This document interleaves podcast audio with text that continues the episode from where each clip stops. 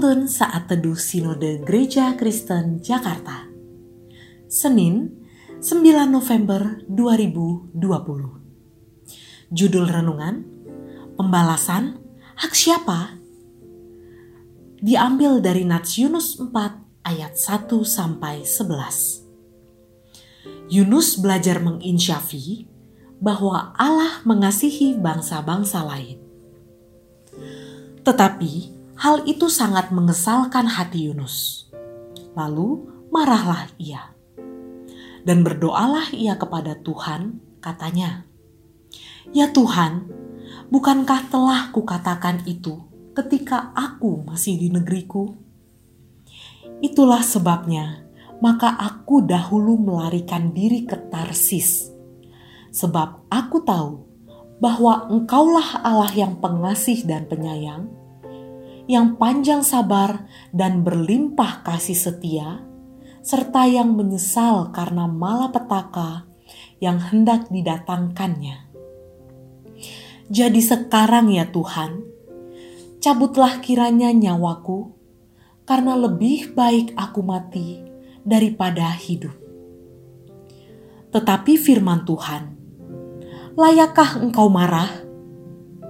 Yunus telah keluar meninggalkan kota itu dan tinggal di sebelah timurnya. Ia mendirikan di situ sebuah pondok, dan ia duduk di bawah naungannya, menantikan apa yang akan terjadi atas kota itu. Lalu, atas penentuan Tuhan Allah, tumbuhlah sebatang pohon jarak melampaui kepala Yunus untuk menaunginya agar ia terhibur daripada kekesalan hatinya. Yunus sangat bersuka cita karena pohon jarak itu.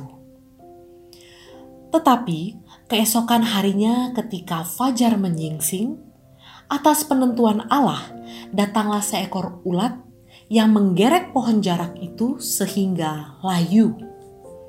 Segera sesudah matahari terbit, maka atas penentuan Allah bertiuplah angin timur yang panas terik, sehingga sinar matahari menyakiti kepala Yunus. Lalu rebahlah ia lesu dan berharap supaya mati. Katanya, lebih baiklah aku mati daripada hidup. Tetapi berfirmanlah Allah kepada Yunus, Layakkah engkau marah karena pohon jarak itu? Jawabnya, selayaknya lah aku marah sampai mati. Lalu Allah berfirman, Engkau sayang kepada pohon jarak itu, yang untuknya sedikit pun engkau tidak berjerih payah, dan yang tidak engkau tumbuhkan, yang tumbuh dalam satu malam dan binasa dalam satu malam pula. Bagaimana tidak aku akan sayang kepada Niniwe, kota yang besar itu, yang berpenduduk lebih dari 120 ribu orang, yang semuanya tak tahu membedakan tangan kanan dari tangan kiri dengan ternaknya yang banyak.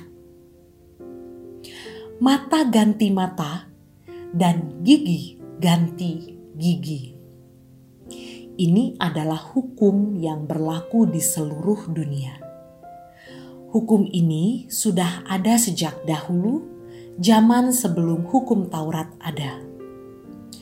Hukum ini tercatat di dalam Hukum Hammurabi pada tahun 1870 sebelum Masehi dan masih berlaku sampai hari ini.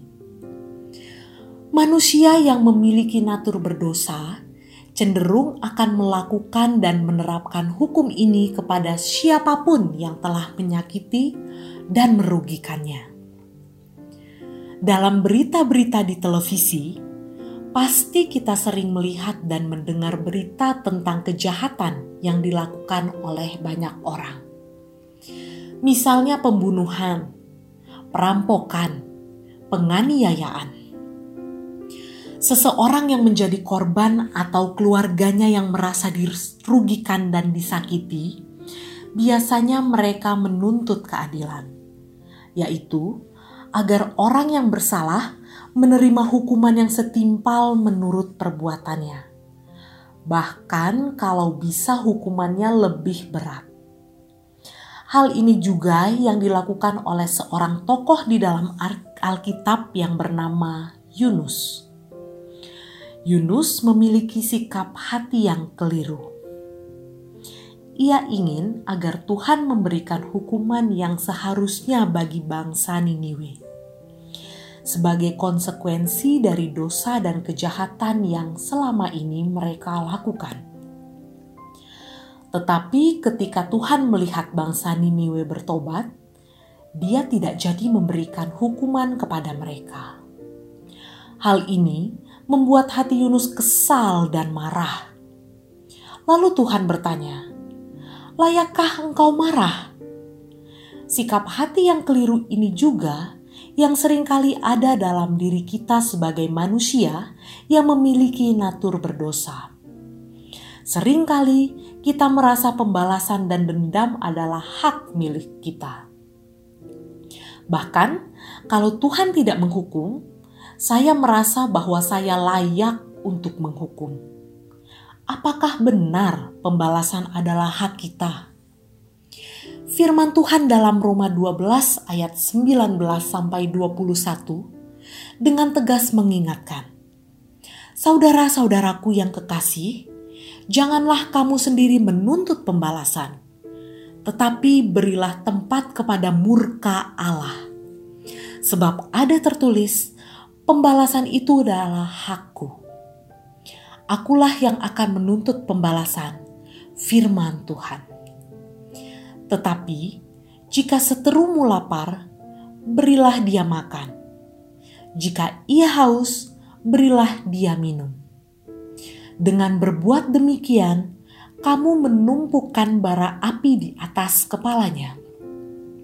Janganlah kamu kalah terhadap kejahatan, tetapi kalahkanlah kejahatan dengan kebaikan.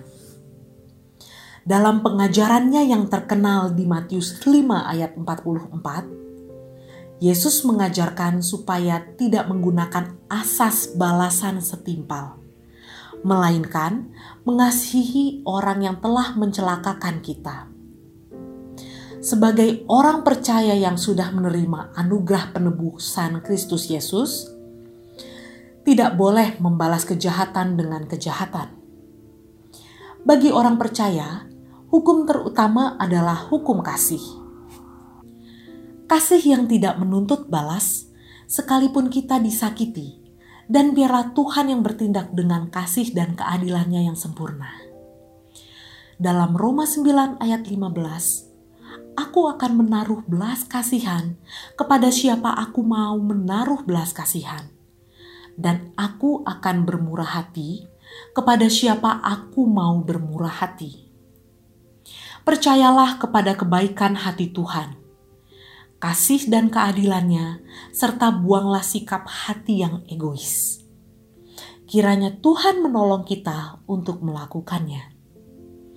Kita mengampuni bukan karena kita tidak bisa membalas, namun karena kita mengerti bahwa pembalasan adalah hak Tuhan. Tuhan Yesus memberkati.